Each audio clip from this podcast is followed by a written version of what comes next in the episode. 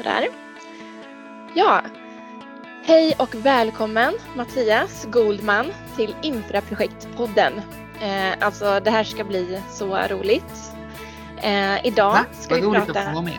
Ja, ja, ja men jättekul verkligen.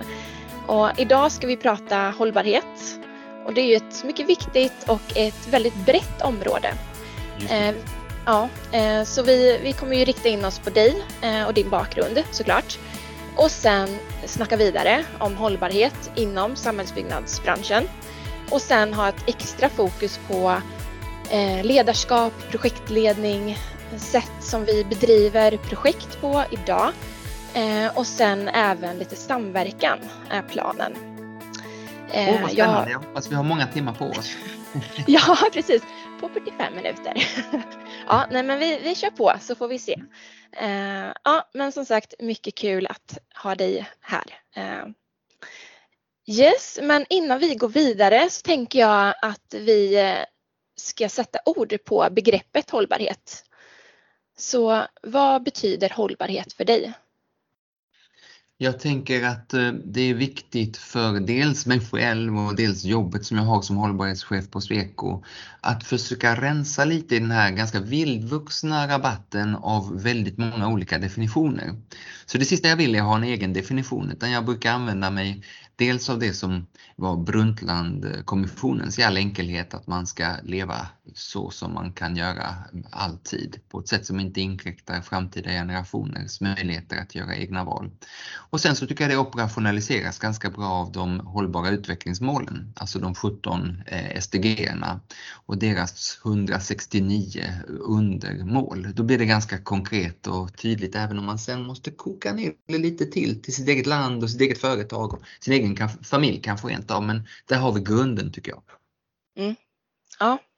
Eh, och vilken del inom hållbarhet, eller har du någon del som du brinner lite extra för? Ja, alltså jag brukar mm, lite surt säga åt folk att jag är minsann inte bara klimatchef här på Sweco utan jag är hållbarhetschef och det innefattar både miljömässig och social och även ekonomisk hållbarhet. Men det går ändå inte att komma ifrån att det som du och jag och andra som eh, tittar och lyssnar på, på podden här har gemensamt att det är vi som kan avgöra om vi klarar klimatutmaningen eller inte. Det är just vi som är yrkesverksamma nu som har det gigantiska avgörandet i våra händer. Och de andra dimensionerna av hållbarhet står och faller med klimat också. Det är en dominobricka som måste ramla åt rätt håll.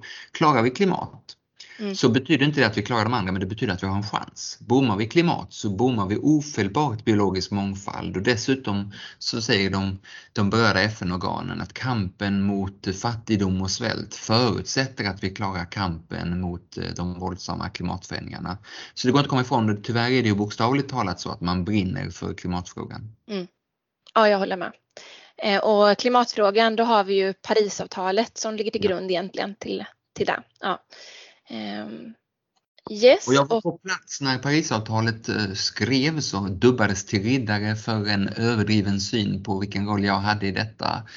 Men det är egentligen, det är väldigt bra att du tar upp det nu, för det är egentligen först nu som Parisavtalet verkligen levererar. Alltså när man gick med så var det det som kallas nationally determined contributions. Enkelt uttryckt så fick varje land lämna in vad tusan de ville. Mm. Men sen vart femte år, och det här är första gången, så är det enhanced action. Man måste skärpa sig. Och den där skärpningen, den ser vi att den faktiskt händer. Mm. Eh, Trump ut och Biden in hjälper ju, va? men vi ser land efter land som slår fast klimatneutralitet och färdplaner och sånt. Så att Parisavtalet levererar. ja, men det är härligt att höra. Eh, att det gör det även globalt sett då och inte bara i Sverige. Just det. Eh, ja, eh, sen så tänkte jag passa på att flika in en fråga för vi har ju en pandemi eh, som fortfarande pågår. Eh, vi får hoppas att det börjar klinga av något snart. Eh, men hur skulle du säga att den här pandemin har påverkat hållbarhetsarbetet och den gröna omställningen? Jag tror att pandemin påverkar på ett helt annat sätt än vi först tänkte oss. Först då var det väldigt många som sa, att men nu kom pandemin i vägen för hållbarhetsarbetet och nu får klimatarbetet vänta. Och så såg vi tvärtom att vi under pandemins värsta fas lärde oss otroligt mycket som visar sig gå att göra som vi för ett år sedan trodde omöjligt. Att man har inte bara podcasts på det här sättet utan också webbinarier och seminarier och ledningsgruppsmöten och kundmöten och allt möjligt annat och att vi inte längtar tillbaks till kontoret fem dagar i veckan när pandemin är över. Och sen när pandemin nu börjar klinga av och vi börjar kunna fundera på hur ska vi sätta fart på ekonomin igen? Skapa jobben och få fart på eh, tillväxten. Ja, men då är det Bidens mantra Build back better som vi ser i väldigt många länder att vi ska se till att vi inte gör som vi gjorde med finanskrisen för drygt tio år sedan. Då vi bara startade samma skit en gång till. Nu ska vi starta mm. något väldigt mycket smartare och just det där pausknappen, otroligt olyckligt men ändå på något sätt bra att pausknappen var intryckt ett tag så vi fick en, eh, en eftertankens kranka blekhet och en chans att göra något bättre. Mm. Ja, så att det, det, har väl kanske varit en bra start då på omställningen kan man säga, att verkligen kicka igång den. Det har det och det har också visat hur den modell som vi har nu eh, är väldigt sårbar. Eh, under pandemin så är det väldigt många leverantörskedjor som inte har funkat, väldigt många som varit beroende av komponenter som inte har kommit fram. Och det där hjälper oss också att bli mer klimatsmarta och cirkulära. För är man cirkulär, då behöver man inte råvarorna från en gruva i Kongo utan man har dem på tippen eller rent av i väggarna bakom mig istället. Just det. Ehm, ja, eh, det var en liten inledning där till hållbarhet då egentligen. Eh, nu, jag är ju lite nyfiken på dig. Ehm, hur skulle du beskriva dig själv? Eh, Ja, men jag är rädd att göra dig besviken för jag är rätt tråkig och väldigt mycket en produkt som man ju är. Alltså, man tänker ju så här länge och väl tänker man jag är mig själv. Och så till slut så kommer man på nej, jag är i stort sett summan av mina föräldrar. Pappa entreprenör inom kommunikation och förhandling och mamma gröna vågare med liksom kompost innan ordet fanns nästan och sådär. Så när man mixar ihop det så blir det stark grön profil försöker jag ha men med liksom näringslivs och företagstänk. Ja, vilken och sen är bra pappa kombo. Frankrike och mamma är danska och Goldman är judiskt så att jag känner mig väldigt mycket som någon slags europé, vilket jag tror ganska få känner dessa dagar, men det är en gemenskap som jag gillar. Ja, en härlig, härlig blandning. ja. Eh, och när fick ja, men, intresset för hållbarhet, det har egentligen alltid funnits där då, då. Det har ju präglats en del av din mor, kanske? Eller? Jag var väldigt schizofren länge för att jag var också jätteintresserad av bilar. Och eh, långt innan jag hade körkort så började jag skriva för Teknikens Värld till exempel. Och jag är född i Genève som har världens största årliga bilsalong så jag började göra reportage där, inte om bilarna så mycket utan om bilindustrin. Och började kunna det ganska väl och sen å andra sidan var jag intresserad av miljöfrågor och höll på att liksom odla min egen lilla trädgård i utkanten av Lund där vi bodde och sådär. Och sen var det först när, man, när jag kom på med gröna blister och sådär att ska vi klara klimat och hållbarhetsutmaningen då måste vi eh, fixa transporterna. Både för att det är så oerhört stor källa till utsläpp men också för att det är det stor, största ingreppet i våra plånböcker i en typisk familj. Och för att det också är någonting som, som många har ganska nära. Alltså vilket energisystem vi har, det är inte någonting som man på hushållsnivå kan göra så mycket åt. Men vilken bil man kör, hur man väljer att tanka eller ladda den, det är ganska nära. Och många relaterar också till bilen som en symbol för vem man är, lite mer i min ålder än i din. Men också bilen som en symbol för vårt land. Alltså säger man Sverige till någon utomlands så säger de Zlatan eller Volvo eller IKEA. Bilen finns med där som top of mind. Så den är en väldigt viktig ingång och gjorde att jag till slut kunde sluta detta schizofrena och jobba med transporternas omställning väldigt mycket. Ja, just det. Ja, spännande. Eh, och eh, ditt driv, vart, eh, vad är det som driver dig?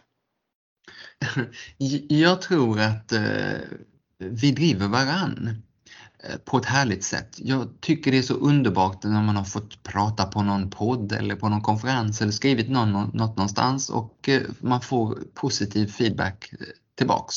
Ofta dessutom med något förslag på vad som går att göra ännu bättre. Men jag tror att just den typen av positiv feedback är förnybar energi i dess finaste form. Och jag går verkligen igång på det. Du vet att ganska ofta så det är säkert inte bara jag själv som känner att man liksom vaknar och tänker, fan är det inte kört ändå? Hur tusan ska vi klara detta?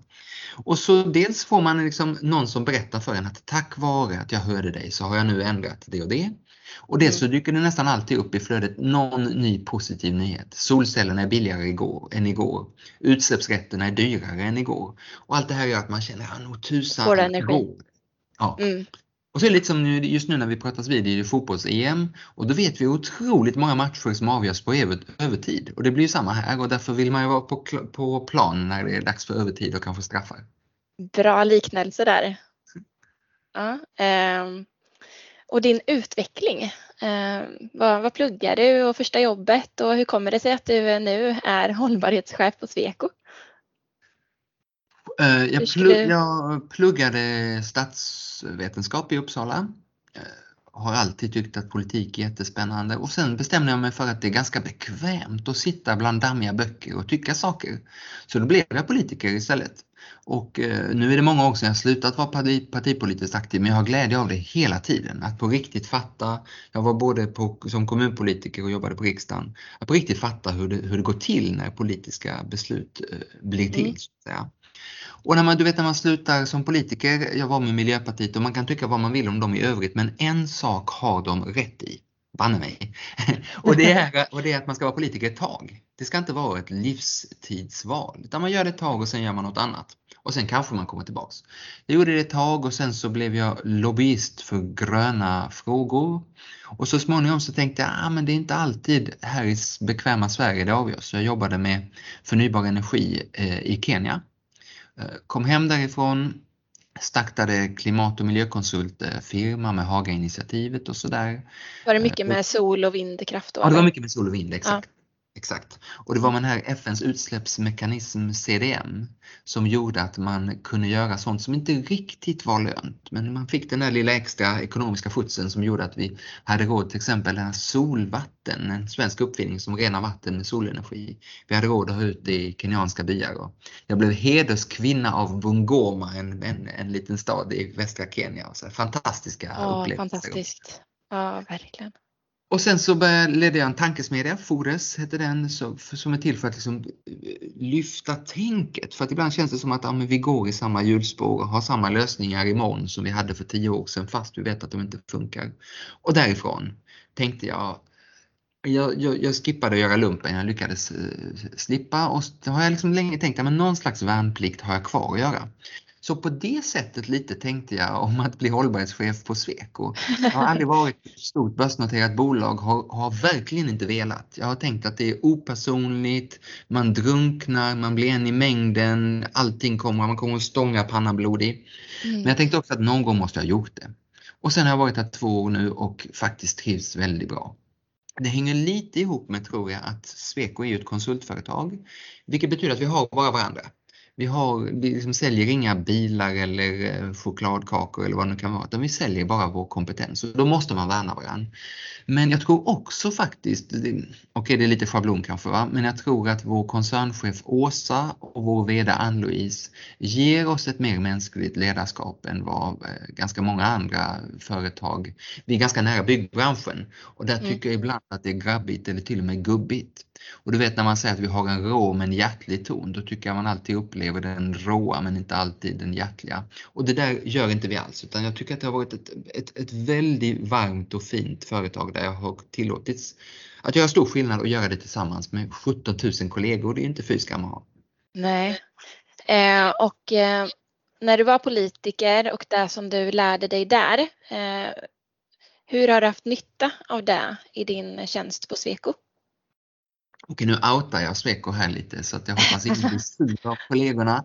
Men jag tror att det gäller allt näringsliv i Sverige och nog globalt också. Att jag som ex-politiker blir förvånad över hur lite man förstår av skillnaden mellan om regeringen lägger en proposition, om ett oppositionsparti lägger en motion, om en utredning föreslår någonting, alla de här olika nyanserna och också förutsägbarheten som faktiskt är ganska stor med vad som man kan räkna med kommer i höstbudgeten och förståelsen för när det finns i budgeten, hur länge är det då tills det blir affär för oss? Och dessutom som är knepig för ett stort börsnoterat eh, bolag. Dessutom att kanske våga tycka någonting. Det finns ju en eh, historik för hela företagsvärlden i liksom Wallenbergsfärens anda och kanske ännu mer för konsultföretag att man ganska mycket tiger. Eh, det är kunden som bestämmer och man lägger inte sig i politiken. Men nu märker jag från eh, många av mina kollegor, inte minst de lite yngre, generation millennials och generation Greta, att vi förväntas tycka någonting. Vi förväntas förstås ha ett klimatmål för vår egen verksamhet men vi förväntas också säga nej till kunden om kunden vill ha hjälp med någonting som inte är tillräckligt hållbart. Och det är till exempel i USA är det helt otänkbart för ett storföretag att inte ha en åsikt om Black Lives Matter. Har inte riktigt kommit till Sverige än men jag är säker på att både på miljömässig och social hållbarhet så förväntas vi stora aktörer ha allt mer av ståndpunkter och det, det, det passar mig väldigt väl och jag tror att det passar en aktör som Sweco ganska väl också. Ja absolut. Um... Och om vi spinner vidare på det här och eh, det som du har gjort på Sweco. Eh, vad skulle du säga, vilka är de största och kanske viktigaste förändringarna som du har eh, genomfört? Alltså om jag ens hade försökt att genomföra någon förändring på egen hand så hade jag bara blivit enormt utsugen själv och ingen hade sett något. Det Okej, varit den här, med vet, den här jättestora atlantångaren som hade fastnat och så såg man en pytteliten äh, grävskopa där som försökte hjälpa till. så, att, så att jag har verkligen inte försökt att göra skillnad på egen hand utan, utan det har funnits ett fantastiskt momentum i termer av svensk klimatlag, EUs gröna giv, väldigt mycket pengar för en grön omställning och starkt tryck från finansiell sektor och ett jättestort internt tryck här och där, som har blivit självförstärkande där man märker att bland våra nyanställda så lyfter väldigt många fram att de valde oss aktivt för det ledande klimat och hållbarhetsarbete som de upplever att vi har. Och det är ju, inte minst för en konsultfirma, men jag tror för alla företag, så är det ju otroligt avgörande att ha tillgång till de bästa och de brightaste. Söker de sig till konkurrenten och inte till oss, då har vi det svårt. Mm. Är vi top of mind och förstahandsval så är det mycket bättre förutsättningar. Så det där har gjort att vi har kunnat ta väsentliga kliv framåt på eh, hållbarhetsarenan. Plus detta att vara konsult för att då Enkelt uttryckt kan man säga att liksom business as usual, det är ju knappt man behöver en konsult då. Utan det är när saker förändras i rask takt som man behöver konsultens expertis och hjälp. Så att vi som stort konsultbolag mår ju bättre ju snabbare saker förändras och klimatlag och Parisavtal kräver ju att det ändras ganska snabbt. Så det är ganska lätt för oss att omfamna och vara en del av. Mm. Eh, och eh, vad tror du det är som Sweco gör som gör att ni sticker ut när det kommer till hållbarhet? Jag tror att, ehm, för, för det första är jag glad att du, att du tycker att vi sticker ut. Det är alltid Nej, men svårt. Det, jag fick lite den känslan att det är många som säger det, att de väljer er, för, eller Sweco, för att eh, de tycker att ni gör ett bra eh, arbete där.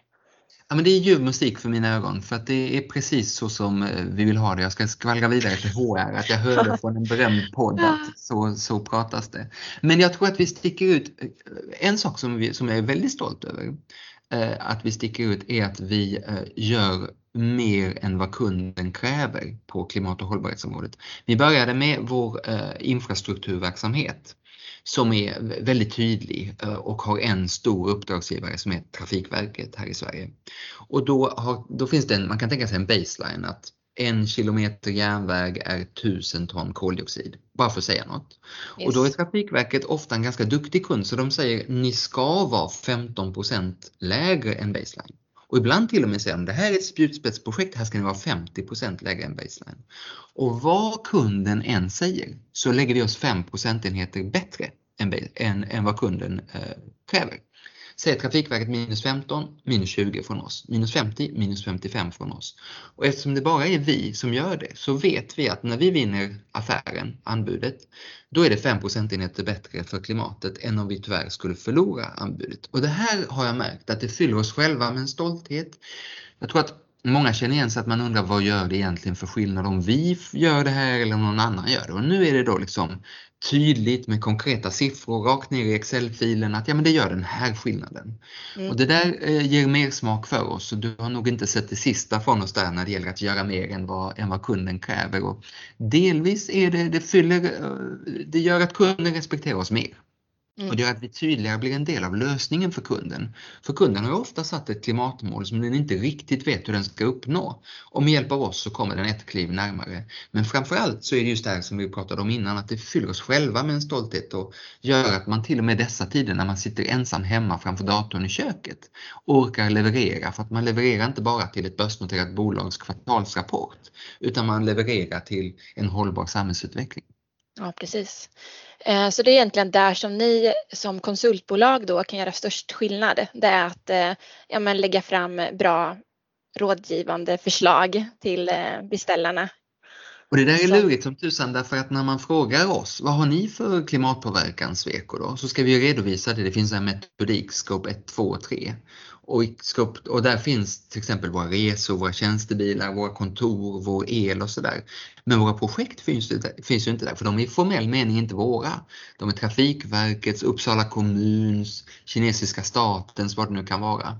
Så vi har satt igång ett arbete som är superspännande och supersvårt i att försöka räkna ut detta som jag kallar scope 4. Så vi kan redovisa för dig vad är vår klimatpåverkan av projekten vi gör. Ja, och det har ingen gjort för att det är svårt och just därför är det också ja. Någonting som vi verkligen vill. Åh, vad spännande. Um, Yes, men vi går vidare nu till mm. ledarskap. Eh, det är ett område som jag tycker är väldigt viktigt och eh, spännande. Eh, så då undrar jag, ifall du tänker in i situationen att du är en projektledare i ett anläggningsprojekt. Vad skulle du då göra för att få en motiverad och driven grupp som vill prestera och göra sitt absolut yttersta för hållbarhetsarbetet? Vilken jättebra fråga och det är verkligen en konkret fråga som vi, eh, jag ska inte säga att vi brottas med, men som vi hela tiden hanterar och där en del av vår lösning är att se till att klimat och hållbarhet inte är något vid sidan av och något som den där Johanna som är så engagerad kan väl sköta, va? utan det är någonting som ska in centralt i uppdraget. Det måste in tidigt dessutom. Och sen så tror jag väldigt mycket på att det som mäts sker och det som belönas upprepas. Så vi vill ha in det i hur man utvärderas som individ, som grupp och vi vill också ha in det och tjata mycket på till exempel Trafikverket om att se till att ju större klimatnytta vi gör desto mer betalt eh, får vi. Därför att aktörer som har eh, egna klimatmål gynnas ju också själva av detta. Så att eh, hur mycket man än kan ha vackra tankar om klimat, och det har jag många, eh, så vill det till att det också är lönsamt att göra rätt. Ja, Bra svar. Ehm, och skulle du kunna ge något konkret exempel på vad man som chef eh, eller, och ledare eh, kan göra för att skapa engagemang kring hållbarhet i branschen? Jag tror att eh, för det första, eh, visa på ledarskap i frågan. Jag är faktiskt jätteglad över när min VD Ann-Louise eh, säger att den här debattartikeln vill jag skriva under. Först kan det vara litet, litet så här, fasen den skulle jag ju vilja skriva under. Men sen fattar jag hur otroligt mycket det betyder för organisationen att det inte var hållbarhetschefen utan VDn som sa att det här står vi för. För det är ganska självklart att en hållbarhetschef står för tuffa klimatmål och sådär. Så en VD som tydligt markerar att det här är affärskritiskt och centralt och en hjärtefråga för mm. en. Det gör att alla i ledningsgruppen tänker att det är så här jag bygger min egen karriär här och det är så här jag får positiva vitsord och förmodligen kan förhandla mig till en högre lön. Det är det, det, är det absolut första. Mm. Det andra, vi var inne förut på vad som har störst faktisk hållbarhetspåverkan för oss till exempel. Men, men man ska nog inte fastna i det utan man måste tänka mycket på det synliga, walk the talk. Eh, om VDn är först ut, som i vårt fall, att, eh, att inte ta flyget inrikes utan sätta sig på tåget och att eh, inte ta bilen utan sätta sig på bussen och vad det nu kan vara. Allt det där som signalerar att vi bryr oss mm. och inte signalerar som så ofta att om jag, om jag bara kommer tillräckligt högt upp i karriären så får jag också flyga. Den signalen är oerhört olycklig och jag ser den fortfarande på ganska många håll. Och för det tredje så är ju VD eller divisionschef eller andra arbetsledare eh, måste värna om sina team och jag är väldigt orolig att fortfarande är mycket av hållbarhetsarbetet knutet till enskilda eldsjälar. Och de här eldsjälarna betyder otroligt mycket men att vara eldsjäl är nära förknippat med att ofta bli utbränd. Det är dessutom ofta så att en eldsjäl kanske syns ganska mycket och då kommer en konkurrent och erbjuder 10 000 mer och då är man plötsligt utan eldsjäl. Eller man bara helt enkelt är föräldraledig eller vad det nu kan vara. Så att man måste dels värna eldsjälarna och dels se till att man inte långsiktigt är beroende av någon enskild aktör utan integrera det i den vardagliga verksamheten. Mm. Yes, uh, vi går vidare till projektdelen då. Mm. Uh, och det är så att det kommer att ske en massa satsningar inom infrastruktur. Och då skulle jag vilja veta hur du ser på de här satsningar som planeras och som vi redan idag håller på att genomföra. Till exempel järnvägsprojekt. Vi har Västlänken i Göteborg till exempel. Eh, just när vi pratas vid så eh, har ju det inletts talmansrundor för att se vad får vi för regering framgent i Sverige. Och där gäller det lite tillbaka till vad vi pratade om innan, att hålla koll på vad som redan är klubbat i riksdagen. Då rivs det förmodligen inte upp, det ska mycket till. Och vad som bara är framlagt av en regering eller rent av bara utrett, till exempel den stora infrastrukturpropositionen. Den är inte i huvudsak klubbad i riksdagen och därför så biter jag lite på naglarna var en del av, i en del av de delarna. Det är en infrastruktursatsning vi behöver. Och eh, vi ser att när vi ska klara klimat och hållbarhetsutmaningen, då kan vi inte göra det genom att försaka och avstå, utan det räcker bara så långt. Utan vi måste göra det genom smartare lösningar på infrastruktur och energisektorsidan. Så vi behöver, och det är den goda nyheten här är att det skapar en massa jobb och de jobben stannar i Sverige. Dessutom, det är inte som en elcykelpremie som är jättebra för att gynna kinesisk elcykelindustri utan det här skapar jobb i Sverige. Så det är tacksamt på en massa sätt och jag hoppas att vi inte får se eh, nedskärningar eller intryckt pausknapp här utan just den gröna återstarten som vi behöver både för att skapa jobb, få fart under hjulen och klara klimat och hållbarhetsutmaningarna ligger i hög grad i infrastrukturdelen. Mm. Och det är framförallt järnvägsprojekten då som du tycker eller är det alla typer av, det är ju rätt mycket åtgärder som man gör för bilar till exempel, eller fordonstrafik. Jag eh, tillåter mig att hoppas att det är många på Trafikverket och andra myndigheter som lyssnar och påminner då om den bestämda fyrstegsprincipen som ju säger att man ska bygga nytt först när andra möjligheter är uttömda. Och ibland kanske man lite väl snabbt tar fram den där asfaltläggarmaskinen utan att riktigt ha utprövat om det gick att lösa på annat sätt. Så jag är spänd på eh, utbyggnader av, av järnvägen och det kan vara både sånt som vi diskuterar jättemycket men också ibland bara att man behöver två spår några hundra meter eller en längre omlastningscentral eller liknande.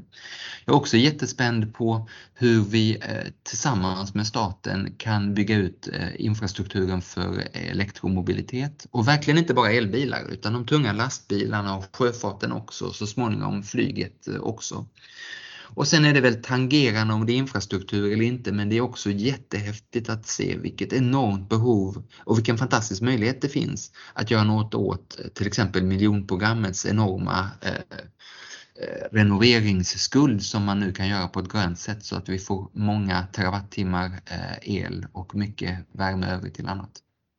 Mm. Ehm, och nu när vi är inne lite på el där då, Eh, tror du att vi kommer att kunna försörja järnväg och allt annat som man planerar driva på el i framtiden? Eh, för jag tänker på att man, man håller på att avveckla kärnkraften till exempel. Jag tror att eh, det blir jätteintressant hur vi bäst skapar de nya terawattimmarna el och framförallt hur vi skapar den momentana effekten. På årsbasis är jag inte så orolig därför att vindkraften byggs ut så mycket. Vi har så mycket överföringskapacitet mellan oss och grannländerna. Men just i det där läget när det är vindstilla och gråmulet och dessutom kanske det inte har regnat på ett tag så magasinen är inte så välfyllda. Och så samtidigt ska vi ha full effekt både i norra Sverige som vi hade tänkt skulle skicka massa el söderut och nu är det en fantastisk nyindustrialisering där. Eh, och i södra Sverige där vi redan ibland ser att pendeltågen, pågatågen, måste dra ner på hastigheten för att effekten inte räcker. Och nu senast var det Västsverige som slog larm om effektbrist också. Och det där är eh, frustrerande för mig hur otroligt lång tid det tar att eh, bygga ut överföringskapaciteten. Där jag tror att en del fortfarande sitter i väggarna och går att hantera med snabbare tillstånd och snabbare planering. Och en del annat är nya lösningar, lagra el på andra sätt, i batterier, i vätgas, i stora saltlösningar och liknande. Så det kommer inte vara ett svar på frågan, men min stora oro är effekt just i peak-ögonblicket. Eh, ja. Mm. Eh, och vilka delar inom hållbarhet eh, är viktigast när det kommer till anläggnings och infrastrukturprojekt? jag testar att sticka ut hakan där och, och, och se om jag ens håller med mig själv när jag säger social hållbarhet. okay. För det har vi inte pratat om alls och det är viktigt att ha med också när man pratar hållbarhet. Att ganska många byggplatser är underleverantörers underleverantörers underleverantörer med eh, människor som kanske har eh, kommit hit med falska förhoppningar om vad de ska få göra och som kanske inte vågar sätta emot när de inte behandlas på det sätt som är rimligt att vi behandlar arbetskraft. Och med en eh, både en jargong och ett beteende om behandling som inte är det jämställda och jämlika Sverige som, som vi nog alla vill se. Så att, och, och, där tycker jag att det går förfärande långsamt framåt och är det någonstans man ser att, en, att just bygg och infrasektorn sticker ut negativt så är det nog inom social hållbarhet. Jag eh, hoppas och tror att det finns en generationsväxling där men, men den hade jag velat se för två, tre generationer sen och tror också att även sådana som vi på Sweco kan ta oss ton mer och protestera tydligare och mer högljutt om vi ser att den sociala hållbarheten inte är i hamn. Mm. Ja, spännande svar. Jag hade jag inte räknat med. ja, nej men eh, helt absolut, jag håller med.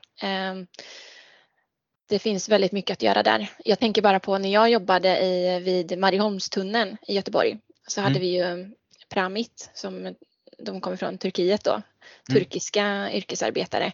Och eh, ja, de hade det väldigt bra där. De hade ett eget kök och ett hus med egen kock och allting och de bodde ute på sajt. Um, men man märkte en liten skillnad där för att till exempel i Sverige så får ju alla tillgång till ritningar till exempel och kan se och förstå vad man ska göra. Men där så var det bara arbetsledaren som ja. Eh, fick ta del av ritningen och eh, säga då till alla vad de skulle göra. Så att det gör ju att man ja, tappar lite produktivitet skulle jag vilja säga. Jag tror du har helt rätt där att jag är ganska övertygad om att jämlikhet är effektivt.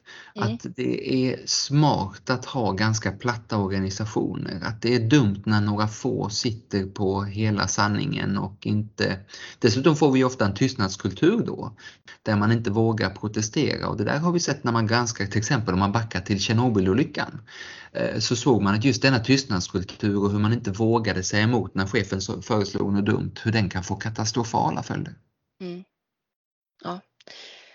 Um, yes, vi, uh, vi går vidare här. Uh, tycker du att vi bedriver projekt på ett effektivt sätt idag?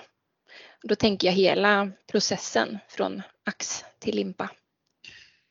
Eh, nej, det tycker jag inte och det där kan man ju svara på så många olika dimensioner. Men en dimension som jag vill lyfta är att vi fortfarande är oerhört linjära.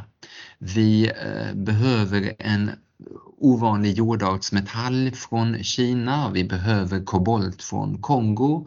Och allt det transporteras hit och sen med ett väldigt slöseri längs vägen. Och ända ut på byggarbetsplatserna ser vi ett ganska ineffektivt materialflöde.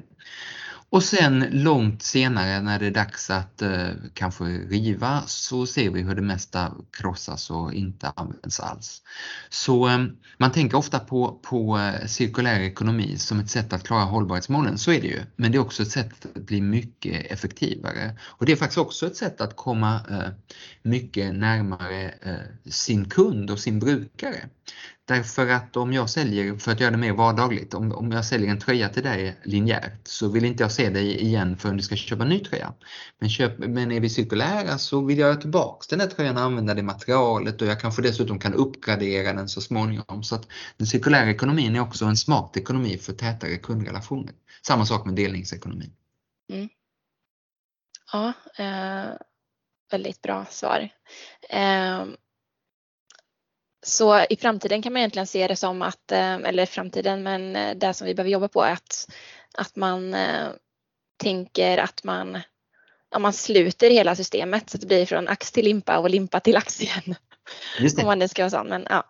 Och det där är jättespännande för när vi gör det till exempel, vi har så här digitala tvillingar av byggnader då vet man ju att i den här väggen bakom mig så vet man vilka material som finns där och då är det plötsligt en bank. Då är det inte bara en byggnad.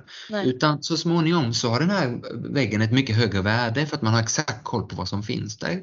Och man kan använda det som bas till nästa gång man ska bygga någonting. Och eh, samma sak är det med våra återvinningscentraler och våra soprum. Att det där är bara linjärt och ska på sin höjd brännas eller på deponi. Då är värdet lågt. Men är det en del av vår eh, råvarubank, men då är du och jag som konsumenter konsumenter också producenter och förutsättningar för nästa generation av varor. Mm. Och här kanske typ digitaliseringen skulle kunna komma in i bilden, att man då eh, ja, men att man har koll på vilka material som finns i alla byggnader och kan sätta in det i något system då jättespännande när man har den där kollen för man har blockchains fullt ut så kan man se var det här användes förut och man kan kanske rent av hålla koll på arbetsförhållandena när det togs fram eller när byggnaden revs för att det ska återanvändas. Så det hjälper ju dig och mig som medvetna konsumenter att kunna ställa högre krav på hållbarhet. Mm. Eh, och skulle du säga att det finns något Finns det något land eh, som har kommit längre i hållbarhetsarbetet Eh, inom eh, samhällsbyggnad? Alltså, ja det gör det, men inte minst så finns det även här i Sverige aktörer som är fantastiskt duktiga. Eh, bara top of mind utan att någon får bli sur på mig för att jag inte nämner dem så eh, är jag imponerad av hur man i varvsstaden i Malmö bygger en ny stadsdel av den gamla stadsdelen. Eller hur Vasakronan här i Stockholm vid Sergels torg bygger en ny byggnad och inte tar väggen och mal ner den och använder den, utan tar hela väggen och använder det som en ny vägg igen. Så att eh, jag tycker att det börjar vara ganska många aktörer inom samhällsbyggnad och infrastruktur som säger att men, det är inte så uppenbart vad skillnaden mellan mig och en annan fastighetsvärde är till exempel förrän vi fyller det med hållbarhet och visar att vi är i linje med vad kunden kräver. Vi på Sweco med 17 000 medarbetare är också en stor eh, hyresgäst och det har vi märkt på sistone att nu finns det en helt annan aptit än för bara några år sedan att ge oss riktigt spännande gröna erbjudanden som, som hyresgäster. Ja, just det. Um, så att ni äger fastigheter också då? Nej. Nej. Nej, utan vi är hyresgäster. Ja. Och då eh, så småningom ska vi, just nu sitter jag på Stockholmskontoret och vi ska kanske inte vara i exakt den här byggnaden i tid och evighet. Utan då i kraft av att vilja ha ett ganska stort kontor eh, och dessutom gilla att vara relativt centralt och med tuffa hållbarhetskrav så märker man att vi kan där knuffa marknaden framåt med vad som erbjuds på fastighetsmarknaden. Uh, yes, och vi ska prata lite samverkan. För mm. det är mm. något som jag tror på för att uh, ja, skapa effektivare flöden och kunna bedriva effektivare projekt. Så tror jag på att vi måste samarbeta mer Eh, Eh, men jag undrar vad, vad innebär samverkan för dig? Och har du några erfarenheter av samverkansprojekt? Det är, tycker jag, eh, jättespännande när man kommer från olika håll och ser hur man tillsammans kompletterar och ger den bästa lösningen. Ganska ofta tycker jag samverkan innebär att man gör ungefär samma sak som alltid med ungefär samma typ av människor som man själv är. Och det är kul och det är tryggt och det är bekvämt men det tillför inte jättemycket. Utan det häftiga för mig som ju då, som vi var inne på, är i grunden statsvetare och humanist och sådär. Det är när jag samverkar med ingenjörskollegorna här i huset, med arkitekterna, med de som kan biologisk mångfald väldigt väl. Då kommer vi från ganska olika håll och så ska vi lösa en uppgift tillsammans. Och då, så ett samverkan för mig när det, när det är effektiv är många olika typer av erfarenheter, ett gemensamt mål.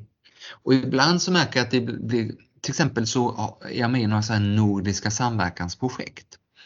Och ibland så frågar jag varför har vi nordisk samverkan kring detta? Och då blir svaret därför att vi är Nordiska rådet och då måste man ha det.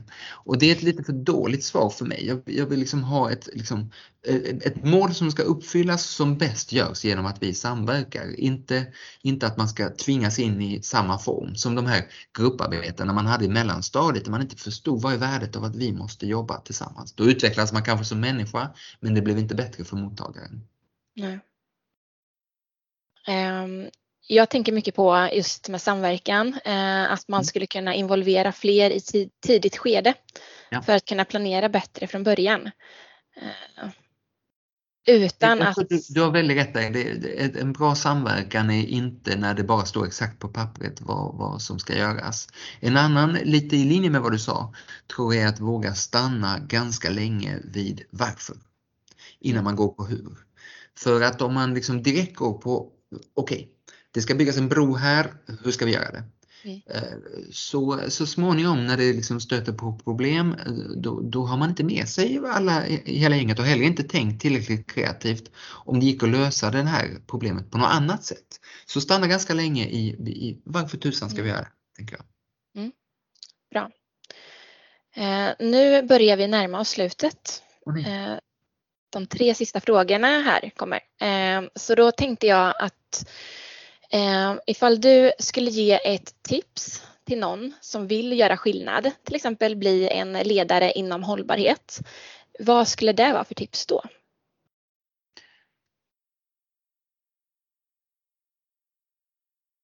Tystnaden blev lång därför att jag har så många tips som jag ville dela med mig. Men om man ska koka ner dem till ett så är det ta för dig. Eh, och inse vilken kraft och makt du har. Vi är alla eh, påverkare inom våra olika sektorer. Många av oss som lyssnar på den här podden idag är högvilt på arbetsmarknaden. Vi röstar med plånboken som konsumenter varje dag på, ringer man en, eller hör av sig till en politiker så är man en av väldigt få som politiker har kontakt med den här veckan. Så att det är mycket, mycket lättare att påverka än vad många tror. Och ska man påverka riktigt effektivt, det här säger jag framförallt med min bakgrund i politiken, så ska man undvika att vara kravmaskin och försöka vara löftesleverantör istället. Vi vet att både politiker och partier och eh, företagsledare och stora bolag har en massa löften och åtaganden som de inte riktigt vet hur de ska leva upp till. Klimatmål som man har satt eller vallöften som man har gett. Och om man då kommer och säger kära VD, kära partiledare, kära riksdagsledamot, kära fullmäktigeledamot. Du har lovat det här. Jag vet hur du kan leva upp till dina löften man blir en löftesleverantör, då har man verkligen foten i dörren direkt. Och vi är så väldigt vana vid att höra 13 kravmaskiner på dussinet så det är en mycket trevligare approach dessutom. Mm. Ja, jättebra. Eh, och vad kan man som privatperson göra för eh, att bidra till en minskad klimatpåverkan? Om du skulle peka ut någon specifik grej så. Jag tror man ska börja med det som känns lätt och lustfyllt och gärna också är lönsamt. Jag tror att det är fel väg att gå att fokusera på skuld, skam och försakelse. Och, eh, för, och, därför så blir svaret olika beroende på vilken situation man har. Många av oss skulle tycka att det vore väl underbart att ta en tågsemester med familjen där man kan kliva av, där det ser mysigt ut och där man kan ta med sig picknick ombord och kanske en flaska vin att dela på. Medan andra tycker att det där känns för jäkligt, jag vill ta flyget. Så man får hitta sin egen ingång i, i frågan och börjar man med det där som känns jättejobbigt, då är stor risken att man tycker nu är jag klar. Mm. Och så ser vi med väldigt många som till exempel lägger mycket tid på att källsortera sitt avfall. Sen ser vi hur man motiverar sin Thailandsresa med att nu har jag minsann källsorterat förpackningar i tid och evighet. Och källsorterade förpackningar det kanske ger sån här klimatnytta medan Thailandsresan har sån här påverkan. Så att det är väldigt viktigt att man inte börjar med de som kanske rent av totalt sett när man sen kompenserar sig för det blir direkt negativa ur klimatsynpunkt. Men numera finns det ju till all lycka ganska mycket som är både lätt och lustfyllt och eh, kan vara lönsamt på hållbarhetsarbetet. Börja där och kom ihåg belöna dig själv och skryt gärna lite om det. Mer ja. rädd, jag är lite rädd för greenwash men det brukar avslöjas snabbt. Jag är mer rädd för green hush Att man inte vågar berätta allt bra man gör. Jag vill höra om saker i vardagen som folk gör därför att då inspirerar man andra och då får det ringa på vattnet och följdverkningar. Mycket bra, så det är sådana inlägg man ska posta då på Instagram och LinkedIn. Exakt. Toppen. Ehm, och om du ska skicka med entreprenadbolag någon grej så inom hållbarhet. Vad, eh, vad skulle du säga att de i första hand bör fokusera på? Kära entreprenadbolag. Om du är med i arbeten som är okej, okay, mediokra, halvbra ur klimat och hållbarhetssynpunkt, då får du och din kund ta hela notan själv. Det är mycket möjligt att ni har pengar över så att eh, ni vill sprätta iväg pengarna på detta. Men för de flesta av oss så är det väldigt skönt om man kan få en del av notan tagen av någon annan.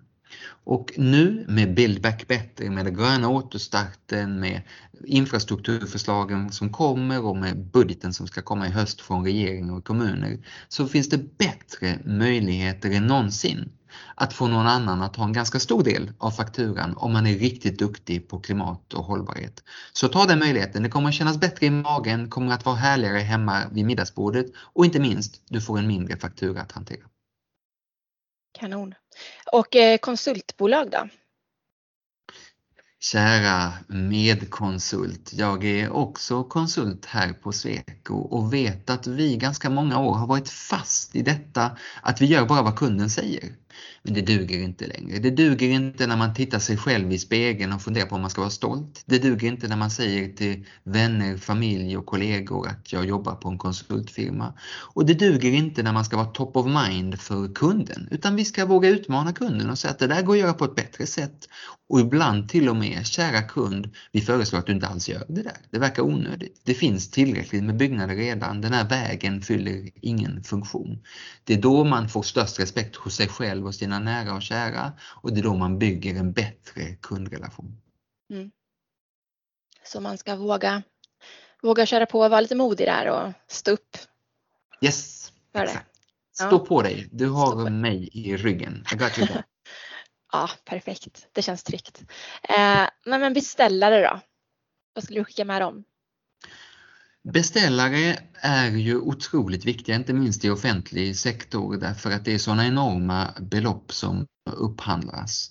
Och eh, det är lätt som beställare att bli lite försiktig och framförallt kanske vara rädd för att den där upphandlingen ska överklagas och det ska bli bekymmer.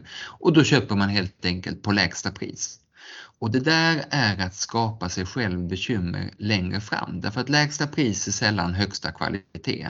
Man klarar upphandlingens första kliv men sen sitter man med bekymret där man inte riktigt fick det man ville och där man inte riktigt kan leva upp till de mål som samhället har satt och som allt fler av oss som företag och kommuner och organisationer också har satt. Och det finns numera fantastiska rättsfall och dessutom jättebra hjälp att få från till exempel Upphandlingsmyndigheten i hur långt man faktiskt kan gå i att mm. sätta klimat och hållbarhetsmål när man upphandlar och köper in. Man ska vara tydligt rättvis, det ska vara kvantifierbart och det ska vara proportionellt det man föreslår. Men ta för dig, se till att det du upphandlar och köper in är i linje med det samhälle vi alla vill nå. Mm. Ja, jätte, jättebra tips. Eh, så eh, då tänker jag att eh, vi avslutar för, för idag. Men det har varit ett jättebra samtal. Eh, väldigt inspirerande måste jag säga. Så jag hoppas att eh, ja, alla som lyssnar här eh, tar med sig någonting från det här samtalet. Tack Johanna, tack för att du gör detta och om jag får vara lite självisk här på slutet så tänker jag också att många av oss som följer den här typen av poddar sitter med en otrolig massa egna erfarenheter och kunskaper. Jag heter Mattias Goldman, jag jobbar nu på Sweco. Det är ganska lätt att räkna ut e-postadressen. Dela hemskt gärna med dig därför att jag tror att vi växer tillsammans. Ja, ja verkligen. Ja, men du får ha en bra dag så håller vi tummarna ikväll då för Sverige. Just det. Ja. EM-guld, EM-guld. ja, precis. Ja, hej då. Ha det gott Johanna. Hej hej. Samma.